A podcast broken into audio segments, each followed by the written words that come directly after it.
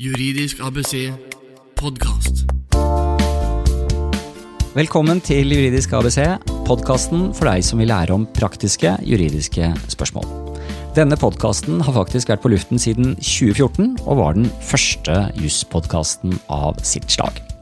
Mitt navn er som alltid Eivind Arntzen, og mitt mål med Juridisk ABC er at du skal bli bedre til å møte juridiske problemstillinger som du møter i livet, enten det er på jobb eller privat. I denne episoden skal vi snakke om et tema som dessverre har blitt høyaktuelt som følge av pandemien. Permittering. Det gjør at ansatte midlertidig blir fritatt fra å møte på jobb, samtidig som arbeidsgiver fritas fra å betale lønn til de ansatte. Permittering kan skje enten helt eller delvis, og permittering kan vare i lang tid, dvs. Si både uker og måneder. Og konsekvensene av permitteringer blir jo da også ganske alvorlige for de som rammes. Den som er permittert, mister både en jobb å gå til, samtidig som lønn byttes ut med dagpenger fra Nav. Så det er altså snakk om ganske så alvorlige eh, grep når arbeidsgiver eh, må gå til det skritt å permittere. Og da er det også viktig at alt skjer på en ryddig måte, der reglene respekteres.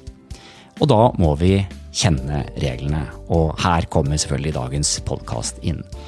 Med meg for å snakke om permitteringsreglene har vi denne gangen fått med advokat Margrethe Meder fra NHO.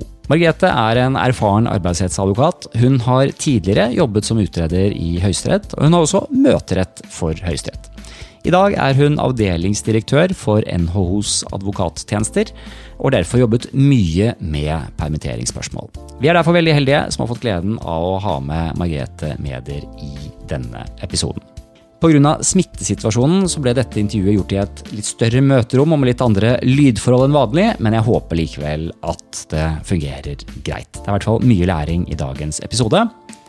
Og med det så går vi til samtalen som vi hadde med Margrethe Meder. Du, vi sitter her eh, nå. Vi er kommet til eh, femte sesong av korona. Eh, og jeg vet ikke, Vi begynner kanskje å bli litt sånn slitne og lei av formatet. Samtidig så er det noen juridiske problemstillinger som har vært høyaktuelle de par siste årene snart. Eh, og dagens tema er definitivt eh, blant dem. Permittering det opptar vel deg kanskje ganske mye fortsatt? Det gjør det. Eh, og det er jo som du sier, det har vært høyaktuelt og litt trist at det fortsatt er så høyaktuelt. Og de siste dagene har jo vist at det kommer en, en, ny bølge av dette, dessverre. Så ja, det, det, er en stor del av arbeidshverdagen til meg og kollegaene mine akkurat nå. Denne podkasten pleier jo å ta opp temaer som eh, si, eh, varer over tid. og Permitteringsinstituttet er jo ikke nytt på noen slags måte. Det skal vi snakke, snakke litt mer om. Samtidig er det greit å si at eh, vi spiller inn dette i dag. Det er 14.12. Må si det sånn formelt sett, for det kan hende at noe av den jusen vi snakker om er litt endret hvis man hører på dette senere i tid. Men det som i hvert fall er helt sikkert, er at permittering er, er høyaktuelt i dag. Eh, som det har vært eh, under eh, pandemien. Men hva er egentlig permittering? Hva er egentlig permittering? Ja, det, det, er jo sånn at Dette er jo ikke egentlig definert i noen lovtekst. Det er et institutt som er basert på sedvanerett. Det er delvis forankret i tariffavtaler. Men det man ofte sier da, i litteraturen og i enkelte dommer, det er at det er en midlertidig suspensjon av hovedforpliktelsene i arbeidsforholdet. Altså du har ikke lønnsplikt, som er hovedforpliktelsen til arbeidsgiver, og så har du ikke arbeidsplikt, som er hovedforpliktelsen til arbeidstaker. Man setter egentlig arbeidsforholdet litt på pause? Man setter det litt på pause, som, eh, som jeg har sagt. Det er en, eh, en, slags separasjon, men med intensjon om at forholdet skal gjenopptas. Eh, det er vel en måte å si det på. Kanskje ikke noe mekling? Dårlig med mekling, altså. Det er det. ikke så mye barn inne i bildet. Så, sånn sett. Det er jo i hvert fall sånn sett en fordel. Men det er veldig alvorlig, da. Fordi det er som du er inne på hovedforpliktelsene. Eh, og eh, nå sitter vi her, og det er rett før eh, jul. For de som rammes, er det klart at dette er, er kjempealvorlig. Man, man, man, blir sånn sett Man mister den kontakten som man har med, med arbeidet, og alt det negative som følger med det, selvsagt. Du sier sedvane. Eh, kan vi si noe liksom mer om hvor er det permittering kommer fra? Ja, eh, det har en eh, historisk opprinnelse, og det går nok veldig langt tilbake i tid. Jeg tror vi kan si sånn ca. 100 år at vi har kjent til permitteringsinstituttet. Den første kjente dommen som vi vet om på permittering, det er den som ofte kalles for Gon-dommen. Den er fra slutten av 30-tallet. Og det gjaldt noe som man kalte for høytidspermittering. Det høres jo forferdelig trist ut. Det var rett og slett en permittering av ansatte over jul og nyttårshelgen. For da stoppet produksjonen i eh, konfeksjonsfabrikken. Eh, og dette kom for, eh, kom for domstolen, og da mente da konfeksjonseier Gon at det hadde man en sedvane, en fast praksis for, tilbake til, til 20-tallet. Og det forholdt byretten seg til, og sa at ja, det var en sedvane, og, det, det, kan man gjøre. Og så sier man gjerne da i, i litteraturen og rettspraksis også at Permittering skriver seg tilbake fra den tiden hvor vi knapt hadde regler for når du kan si opp folk.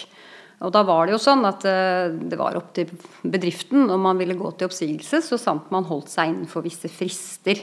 Og fristene var den gangen gjerne 14 dager. Og da tenkte man som så at eh, det var noe mindre ille å bli permittert enn å bli sagt opp. Og, og, derfor så tenkte man at da er det greit, når det er greit å si opp noen, så er det greit å permittere med 14 dagers varsel. Så det er liksom grovt sett det historiske bakteppet.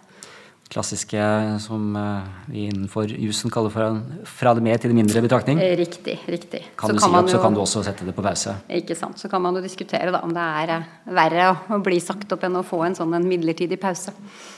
Ja, det kan jo selvfølgelig være litt ulikt hvordan det oppleves. Men eh, det er vel en forståelse blant hovedparten i arbeidslivet om at eh, permittering er eh, foretrukket i, i, mange situasjoner, er det ikke det? Absolutt, eh, og det kommer vi sikkert litt tilbake til. Men det handler jo om det midlertidige aspektet, og at man, man holder seg til det. Eh, så, så, anser nok begge parter i et arbeidsforhold, og også tariffpartene, om at dette er en, en løsning som begge sider kommer greit ut av.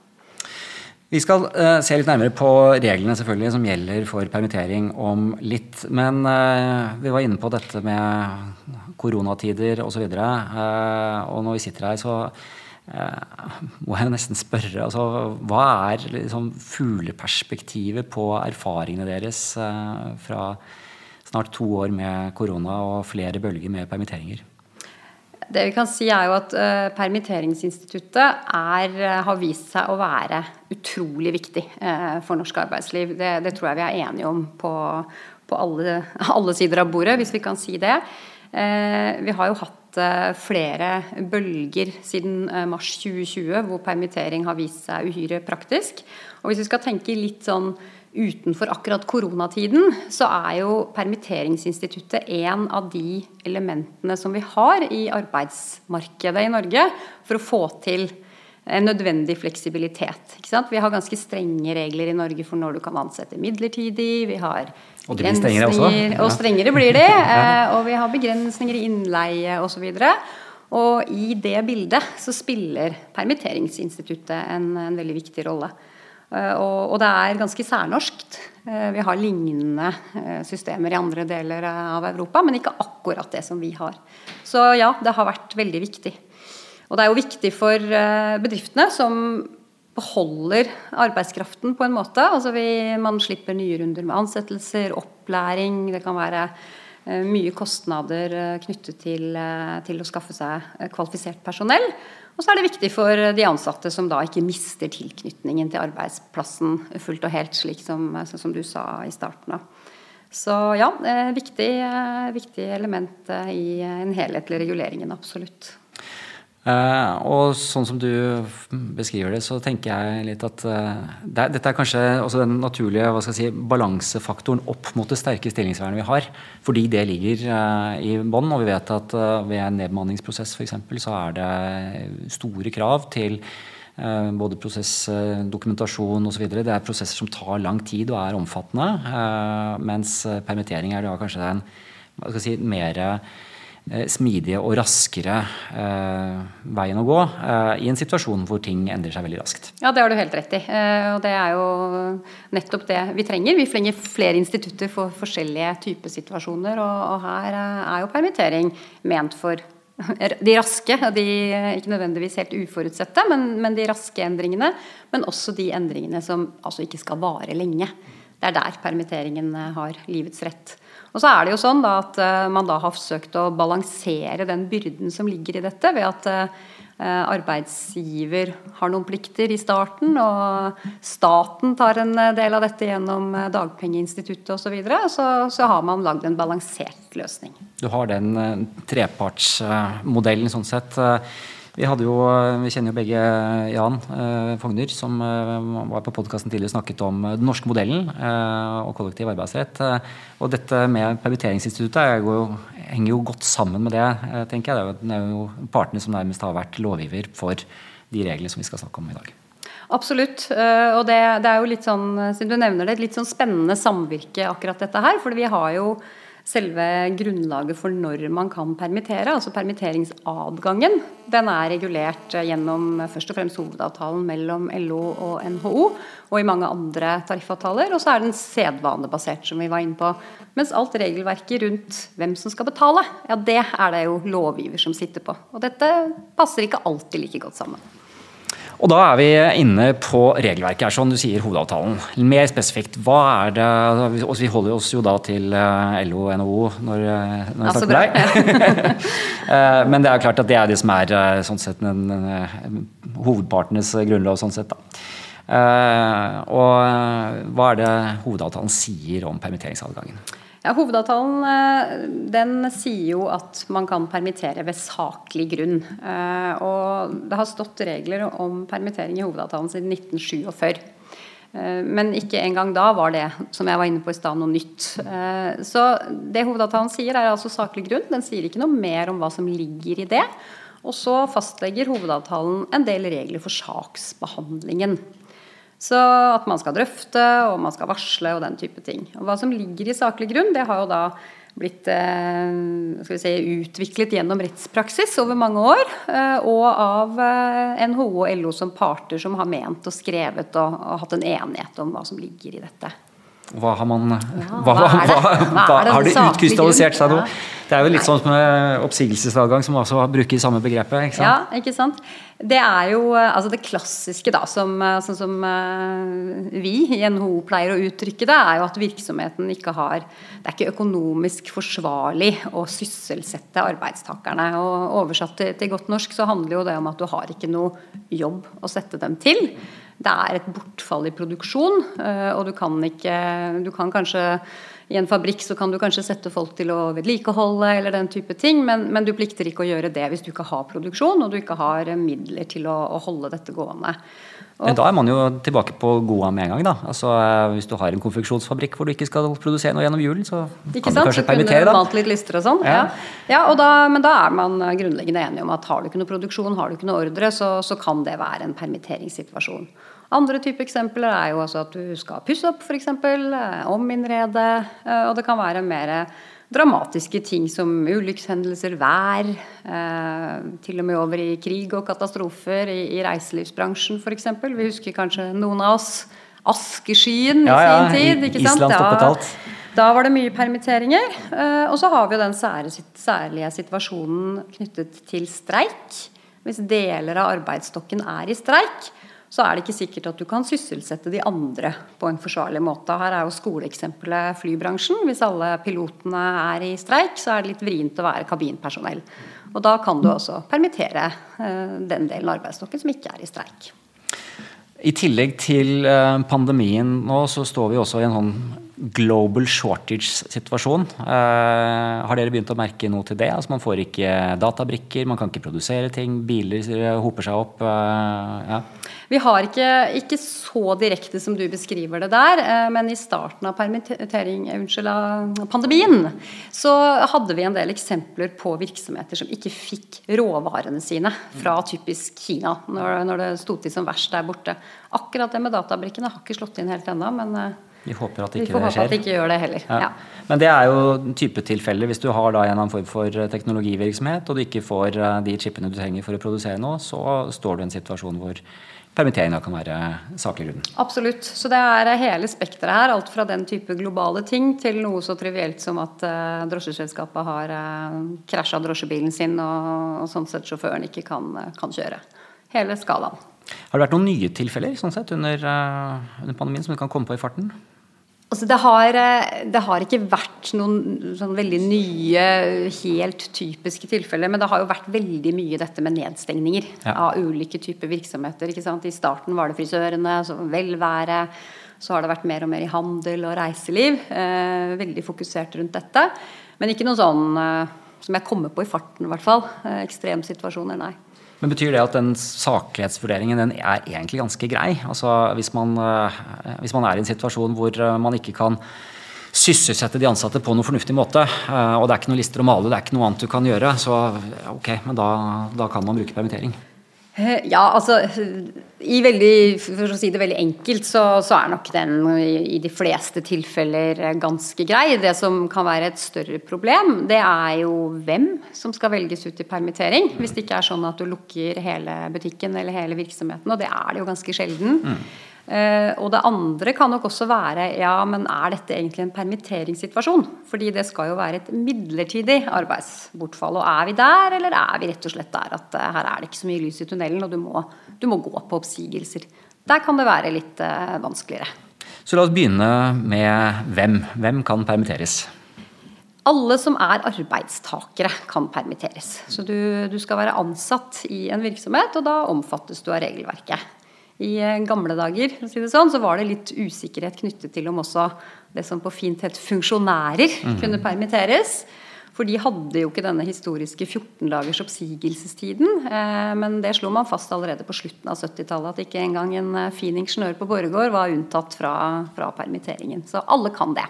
Så eh, administrerende direktør kan i prinsippet også Administrerende direktør kan i prinsippet også permitteres. Nå bør ikke han eller hun eie noe særlig. Da kan det bli litt vanskelig. Ja, For der er det egne regler. Altså, vi kan kanskje ikke gå inn på detaljene i de, men eh, Ja, altså det er jo, Da er vi litt tilbake igjen til dette her med at om du kan permittere, det henger ikke nødvendigvis sammen med om du har rett til dagpenger. Eh, for en eh, eier kan kanskje permitteres. Han er ansatt og, og eier litt. Men det er ikke gitt at vedkommende da har rett til dagpenger. For det reguleres av folketrygdloven. Og Da er det særregler hvis du har, har uh, vesentlige eierinteresser. Da blir det litt vanskelig å samtidig kunne få eh, penger av staten, ja. Mm. Men uh, hvis du jobber i et stort børsnotert selskap og har et par aksjer, så er du ikke, er du ikke eier i den forstand. Så det er vesentlig. Da er det greit. Ja. ja det var en vesentlig uh, eierpost før det er aktuelt. Absolutt. Eh, bra. Og så var det jo dette store og vanskelige spørsmålet da, eh, med mer utvelgelsen. For altså prinsippet arbeidstakere kan permitteres, og så er det å velge hvem av de ansatte. Eh, for å si du må eh, altså, ja, Du er i en situasjon hvor du midlertidig må, må ta ned arbeidskapasiteten eller bemanningen med x prosent, eh, så må man jo foreta en utvelgelse. Det må man. Eh, og da skal jo den også være saklig, eh, på samme måte som det er når man går til en nedbemanning. Og si, ytterpunktene er jo at du ikke skal bruke usaklige kriterier for å velge ut. Så har vi regulert i hovedavtalen mellom LO og NHO at ansiennitet er et viktig utgangspunkt. Og det er det jo også ved oppsigelser så er det nok litt forskjell ved permittering og oppsigelser. Eh, ansienniteten står, står, nok litt svakere i en permitteringssituasjon, mens derimot anvendeligheten og kompetanse og hvilke behov man har, står litt sterkere. Og det henger jo sammen med flere ting. Eh, for det første fordi dette er ment å være kortvarig. Det er ment å være midlertidig.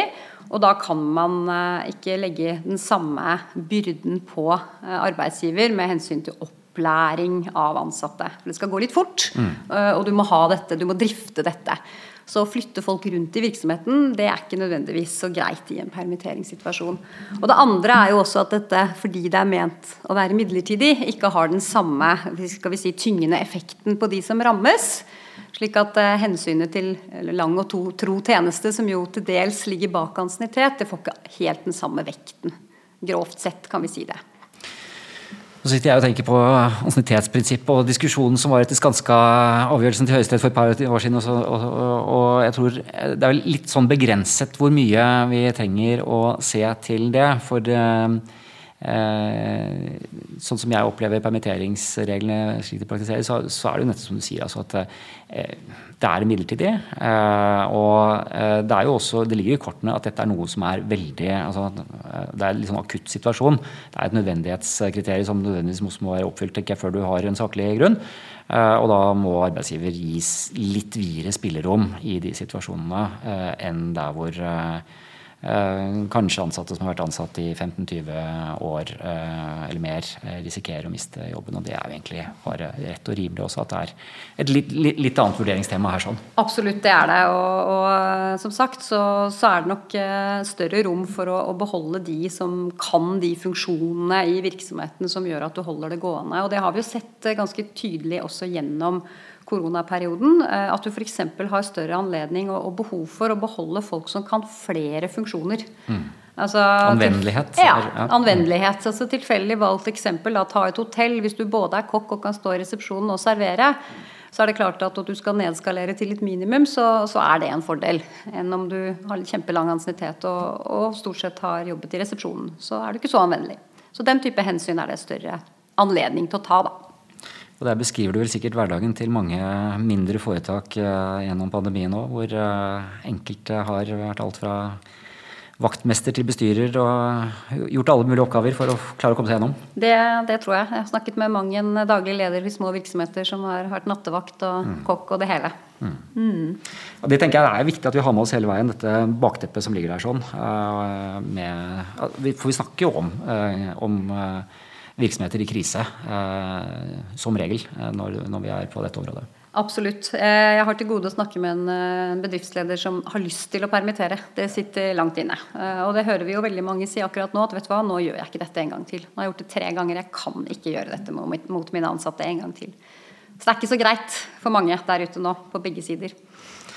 Nei, eh, og vi skal snakke litt om, om, hva som skjer med arbeidsforholdet i permitteringsperioden om litt. Men tenkte bare først å gjøre ferdig litt dette, det prosessuelle her sånn. Eh, for da har vi snakket om saklig grunn, og vi snakket om om hvilke situasjoner man står i. og du har vist til dette med, med altså partssamarbeid og, og, drøftelser. Men er det noe mer på det praktiske, altså fremgangsmåten, når, når, arbeidsgiver bestemmer seg for at her tror jeg nok vi må vurdere permittering? Eh, så er dette regler som kommer ut til partssamarbeidet, og da er det vel dialog som er eh, stikkordet, er det ikke det? Det er stikkordet. Eh, så før man tar noen beslutninger om det, så har man en plikt etter hovedavtalen til å konferere, som det så fint heter, med de tillitsvalgte. Altså ha en samtale og drøfte det man har i tankene, om det er grunnlag for å permittere. Det, står det så ille til at vi må det? Man kan gjerne drøfte omfanget. Hvor mange, hvor mye må vi ta ned? Eh, og hvordan skal vi foreta denne utvelgelsen? Noen kriterier for det. Ansiennitet, kompetanse. Klarer man også å komme fram til en form for enighet rundt hvilke funksjoner og, og hvilke personer, så er jo, er jo, det veldig flott. Men uh, det er også veldig forståelig at mange tillitsvalgte kan vegre seg for å sitte og være med og plukke ut sine kolleger til det. Eh, men, men, eh, mange klarer det fint, og i den type situasjoner så opplever vi at partssamarbeidet på bedriftene går veldig greit. For alle sitter med den samme virkelighetsforståelsen, i hvert fall i grove trekk. Så det må man gjøre. Man må ta denne konferansen, og når man har gjort det, skriver man en protokoll, et referat om hva man har blitt enige om. Og så kan man eh, da sende permitteringsvarsler til de som rammes. Mm. Eh, og det må man gjøre med en frist. Eh, man må gjøre det skriftlig, og det skal oppfylle noen eh, enkle formkrav. og sendes jeg pleier å si at jeg syns det er veldig fair å gjøre det personlig, hvis man klarer det. Levere det i, i hånda på, på, de ansatte.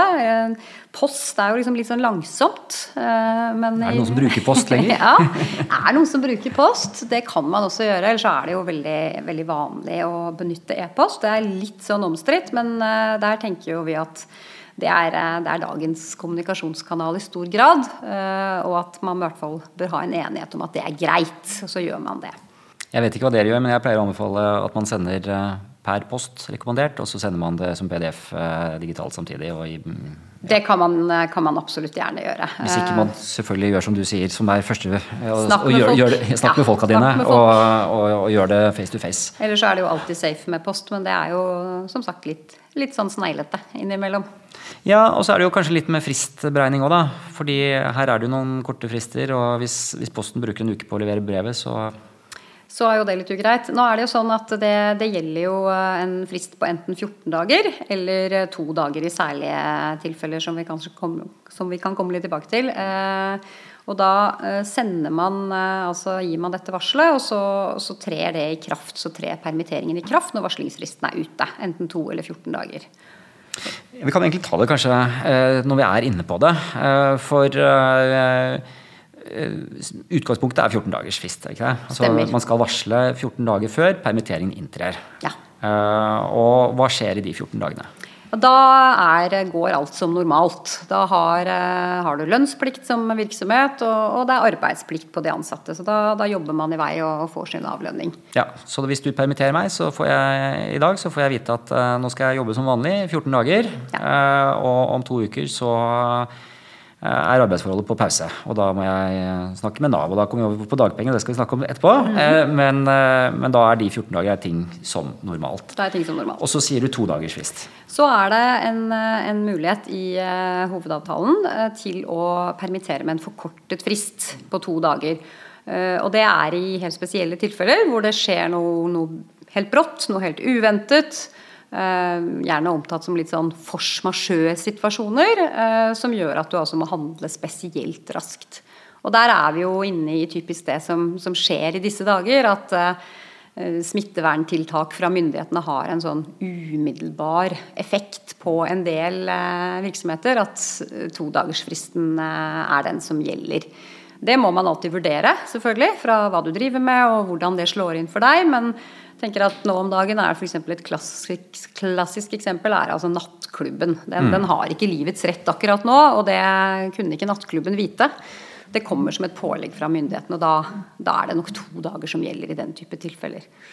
Ja, for Hvis vi spoler tilbake til mars 2020, eh, så var det vel en del som eh, som var litt sånn usikker på dette, og todagersfristen hadde man vel ikke mm, man, man, man, man, måtte vel kanskje pusse litt støv av den, for å si det sånn. Den var ikke noe som var brukt særlig ofte, i hvert fall mitt inntrykk de, de siste årene. Mulig du har et annet uh, bilde av det? Nei, jeg nevnte jo askeskyen. Da, ja, jo, da pusset vi, ja, pusset vi, vi litt støv av den. Ja. Tilbake i Litt usikker når det var, rundt 2009 eller noe sånt kanskje? Ja, noe sånt. Askefast eh, var da, askefast, årets ord. Da, da var den framme, og den var også framme i forbindelse med Irak krisen. Eh, da var det mye flytrafikk og sånn som stoppet opp. Men, eh, men, du har helt rett i det, at det er jo ikke daglig kost, det. Og i hvert fall ikke den utstrekningen vi så i 20. Absolutt. Så, så det er jo Men, eh, men da, da, fikk man jo altså Da var det jo en umiddelbar nedstengning av hele samfunnet. Og det er klart at det var en, si, en uovervinnelig kraft, en force majeure-situasjon. Mm, Men ja. nå er vi på femte bølge. Eh, er det fortsatt sånn når eh, Støre kommer og sier at ja, nå, nå stenger vi fra midnatt i morgen?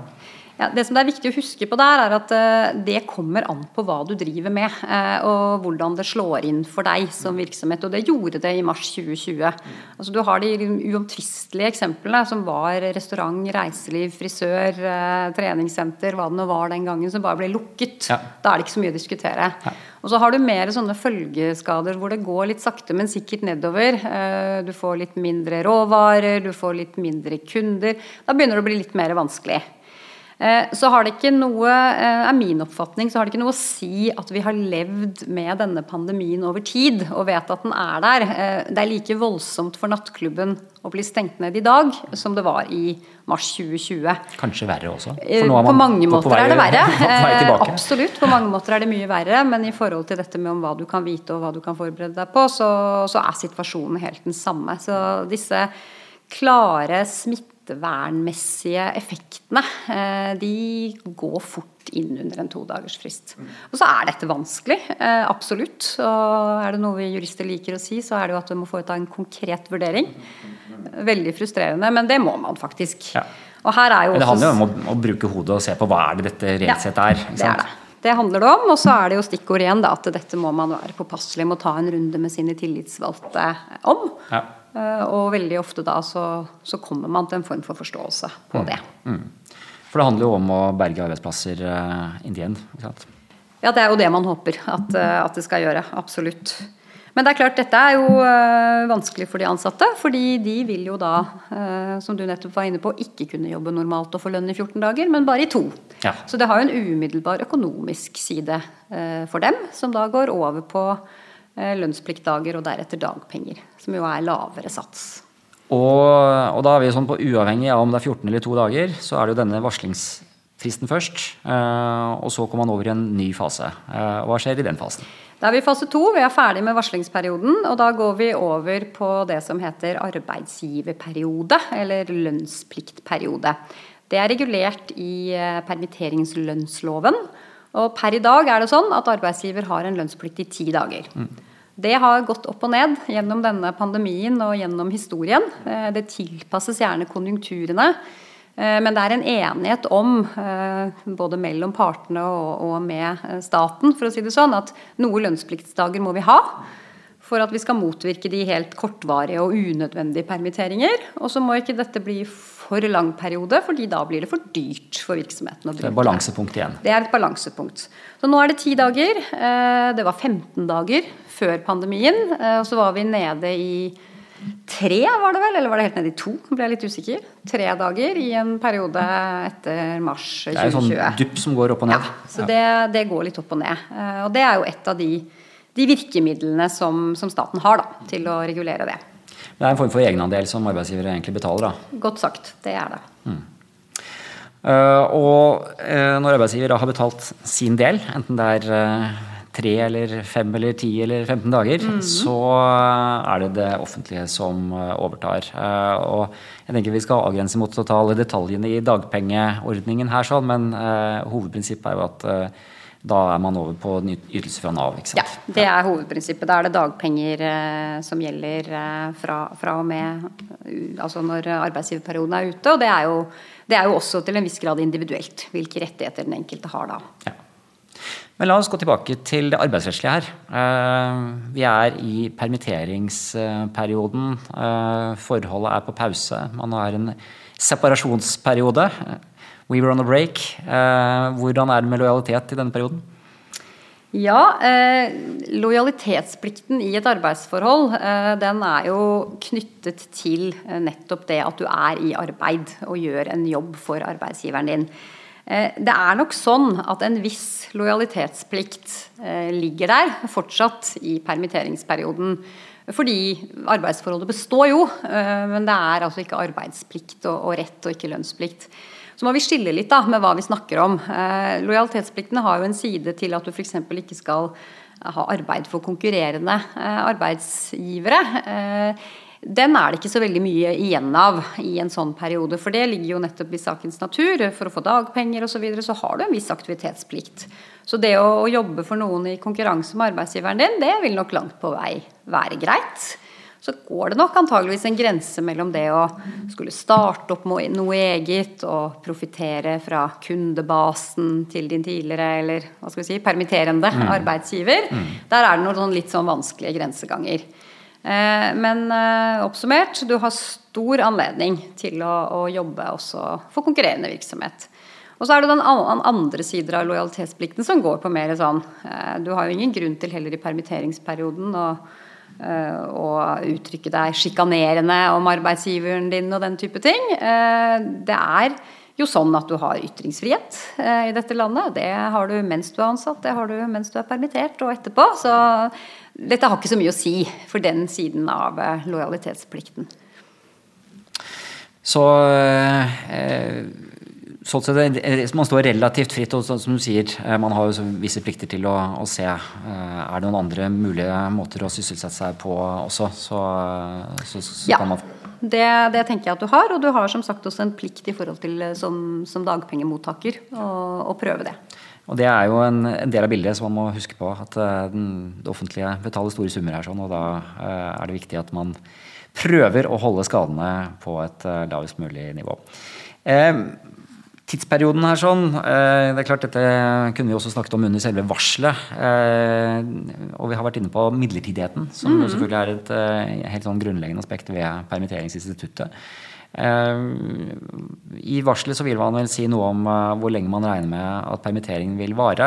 Og så er det vanskelig å spå, spesielt om fremtiden. Og det gjelder jo selvfølgelig også fastsettelse av hvor lenge vil vedkommende være, eller arbeidstaker være permittert. Hvordan skjer det i praksis, den løpende vurderingen og eventuelle forlengelser av permitteringen? Det er jo sånn at eh, det skal være midlertidig, som du sier. Eh, og det er lov å være optimistisk med hva som er eh, fremtidsutsiktene. Man sier vel gjerne at det er en slags sånn tommelfingerregel. Og da, da, snakker jeg ikke om koronaperioden, for den har vært veldig spesiell. Men at et, et halvt års tid, det er det vi ser på som midlertidig. Og det gjenspeiler seg også i hovedavtalen, hvor du faktisk ikke har lov å permittere mer enn et halvt år uten at det er enighet med de tillitsvalgte. Eh, og dette midlertidige aspektet det skal være til stede gjennom hele permitteringsperioden. Så du skal da egentlig med jevne mellomrom ta en uh, liten runde med deg selv som bedrift, og gjerne med, med de tillitsvalgte om hvordan er ståa nå. Er det fortsatt midlertidig? Og da kan det jo gått begge veier, da. Nå ser det lysere ut. Uh, men det kan også være sånn at vet du hva, nå, ser vi egentlig at nå går det bare én vei. Uh, og nå må vi over i oppsigelser. Så den må du ha med deg hele veien. Og hvor lenge du kan permittere, det er jo sånn som du uttrykte i stad, en sånn dupp. Det går litt opp og ned. Ehm, det, standarden er 26 uker i løpet av de siste 18 månedene, sier eh, loven. Eh, og da må vi huske på det at igjen er det forskjell mellom hva som er lovens regel, og hva som er sedvane og hovedavtalens regler. Fordi du kan ikke permittere uten lønnsplikt i mer enn 26 uker. Det er ikke dermed sagt at du ikke kan permittere eh, hvis du har saklig grunnlag for det. Men i praksis så er det ikke noe særlig eh, mange som velger å permittere så lenge det du samtidig har en lønnsplikt. Så ja, en ting er at eh, de ansatte kan få penger fra Nav, og at det er frikoblet fra hva partene gjør seg imellom. Men det er klart at en eh, arbeidsgiver som uh, som eh, permitterer i lange perioder uten at ansatte, de ansatte får ytelser fra Nav, det vil jo tenker jeg, undergrave eh, partssamarbeidet og hele instituttet også. Det kan gjøre det vanskelig. Eh, og så er det jo, som jeg var inne på i stad, litt eh, individuelt om man har krav på dagpenger. Men det er også sånn at du har ikke lov som arbeidsgiver å permittere mer enn 26 uker uten at din egen lønnsplikt inntrer igjen. Mm. Å permittere med lønnsplikt er liksom ikke noe særlig vits i. Så da stopper det der, rett og slett. Og så har jo den perioden som vi vet vært utvidet under koronaperioden mange ganger Tidvis er den opp mot et år. Det har den vært også før. I uh, oljekrisen, finanskrisen har vi hatt den type forlengelser. Men standarden er 26 uker. Mm. Og når er, man er borte fra arbeidsplassen et år eller mer, så blir det jo eh, det er klart at Knytningen til arbeidsgiver blir jo ganske svak etter hvert. Ja, ikke sant? og det er jo også en del av de mer arbeidsmarkedsmessige vurderingene. At vi skal ikke låse inne arbeidskraft som da helst bør migrere til andre ledige jobber, og fylle dem. Lys i tunnelen. Hva skjer når uh, permitteringen uh, avsluttes? Uh, det skal jo være midlertidig.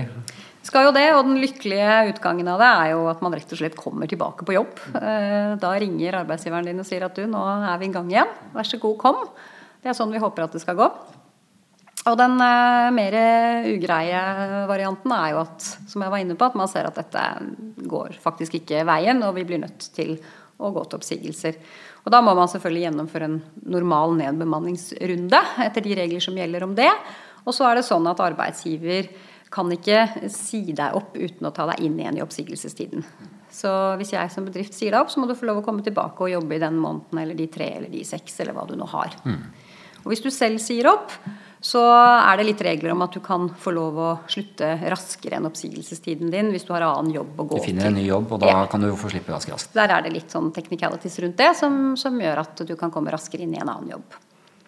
Men det ligger jo i hvert fall en uh, god beskyttelse for arbeidstakere i at uh, hvis det blir en nedbemanning som enden på permitteringen, så får man i hvert fall oppsigelsestiden. Absolutt. Man kan ikke permittere seg bort fra oppsigelsestiden som arbeidsgiver, som det heter. Ja, og da er det jo selvfølgelig også de de strenge kravene til eh, prosedyrer og drøftelser eh, både kollektivt og individuelt, og, og, ja. og formkrav osv. Det er helt riktig. Men uh, i det lykkelige scenarioet hvor uh, arbeidsgiver sier nå kan du komme tilbake, men så har kanskje vedkommende vært permittert i si et halvt år. da. Mm. Uh, plutselig får du en telefon, og kanskje er du på, på, tur på hytta eller et eller annet. Hva vet jeg. Er opptatt med andre prosjekter. Kanskje har du en annen midlertidig jobb, sånn som vi var inne på. Du har en ganske stor fleksibilitet. Mm. Må du stille da i morgen klokken åtte, eller hvordan er eh, det praktiske rundt eh, tilbakekomsten? Mm. Nei, det, det, må du jo ikke. Eh, og som du er inne på, så har det jo litt å si om du er i et annet arbeidsforhold og sånn sett er til hinder for å komme tilbake. Men det er klart at det er en midlertidig suspensjon. Og du skal være tilgjengelig for å stille på jobb når permitteringsperioden er slutt. Eh, og noen permitteringsvarsler angir jo en klar lengde. Ja. Og da er det veldig naturlig at eh, når den er over, så er du forberedt. Ja. Andre så kan være litt sånn ja, inntil videre. Ja, men du kan kalles tilbake når som helst? Ja, du kan det. Eh, I prinsippet kan du det. Og så er det kanskje mer praktisk med dette med at du kan kalles tilbake for en midlertidig periode i permitteringsperioden. Altså sett at du er permittert i tre måneder. Så får bedriften inn et lite oppdrag eller det blir litt lettelser i smitteverntiltakene og vi trenger deg i noen uker. Da kan du kalles tilbake og jobbe litt.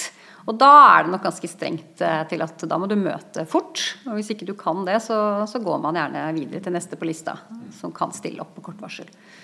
Ja, for det er vel kanskje det som er nærliggende alternativet, ikke å begynne å se på oppsigelse eller den type ting i en sånn situasjon? Det er det jo ikke. Det er jo noe med at du trenger arbeidskraften, og da, ja. da, må man komme tilbake på jobb. Eh, men dette ordner seg som regel veldig greit i dialog, altså. Mm. Så er det en side ved permitteringer som det har vært noen tvister rundt. Eh, jeg vet i hvert fall Jeg har vært involvert i flere av de. Eh, og det er der arbeidstaker hevder at permitteringen egentlig er en skjult oppsigelse. Mm. Uh, har, dere, har, du no, har, du noen erfaring med det? Noen tanker rundt det? Eh, ja, altså det, det, vil jeg jo tenke handler om egentlig dette midlertidighetsaspektet. Er det egentlig det, eller prøver man som arbeidsgiver å putte det inn i en permittering fordi man håper litt sånn at da forsvinner vedkommende over i en annen jobb. Mm. Det kan jo være det ene elementet. Det andre kan selvfølgelig være at man har eh, egentlig individuelle forhold på blokka. Altså man tenker at her er det en arbeidstaker som ikke fungerer. Eh, og så går vedkommende med i en sånn permitteringsrunde. Mm. Eh, og det er jo veldig ugreit. Mm. Eh, og poenget her er jo egentlig bare at man må hele tiden saklig permittering. Vilkårene for det skal være oppfylt. Og da kan man ikke begynne å dra inn andre forhold. Nei, jeg tenker det er akkurat det som er viktig å få fram. For, eh, for saklig grunn er nettopp det. Det er, en, eh, og det er noe vi som jurister bør ha et eh, nært forhold til. At man skal ikke ta utenforliggende hensyn, og man må gjøre dette på en skikkelig måte. og jeg tenker det vil være veldig skadelig for uh, permitteringsinstituttet hvis man uh, misbruker det på den måten. Og det, det, tenker jeg, det siste har du veldig rett i. Altså Permitteringsinstituttet har tjent oss vel eh, i veldig mange år. Det skal, vi, det skal, vi, passe på. Det skal vi ikke misbruke, og vi skal bruke det når det er behov, med respekt. og ikke tulle med det. Nei, og det er jo det som vi har sett eh, nå gjennom den, perioden vi har vært eh, gjennom, og står i for så vidt, da, nå når det plutselig er eh, nye runder, dessverre. Men at det gir den fleksibiliteten som arbeidsgivere trenger for å komme gjennom vanskelige perioder.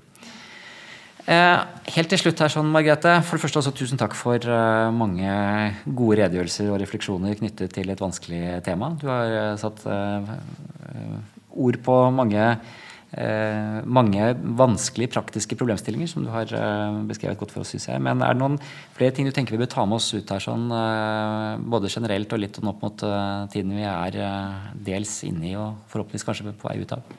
Jeg tenker jo at, at man må huske på, på begge sider av bordet at, at dette er jo ikke noe, noe, man gjør med glede. altså En arbeidsgiver har ikke lyst til å gå til permitteringer, og man, man gjør jo gjerne det så samvittighetsfullt som man kan. Og så må også arbeidsgiver tenke på at dette er faktisk veldig belastende eh, for en arbeidstaker. Og spesielt i den situasjonen vi står i nå, hvor du kanskje er utsatt for dette gang én, to og tre. Så ha respekt for det, og gjør det på en ryddig måte. Følg saksbehandlingsreglene, ha dialog med de tillitsvalgte. Så har du i hvert fall et bedre utgangspunkt for å komme greit ut av situasjonen. Det var en uh, veldig god oppsummering og avslutning. Tusen takk for at du var med på uh, Juridisk ABC. Tusen takk skal du ha. Du har hørt Juridisk ABC podkast. For mer informasjon om dagens tema, se juridiskabc.no. Her finner du flere podkaster og artikler innen arbeidsrett, eiendomsrett, familierett og temaer for deg som driver egen virksomhet. Meld deg på vårt nyhetsbrev på juridiskabc.no.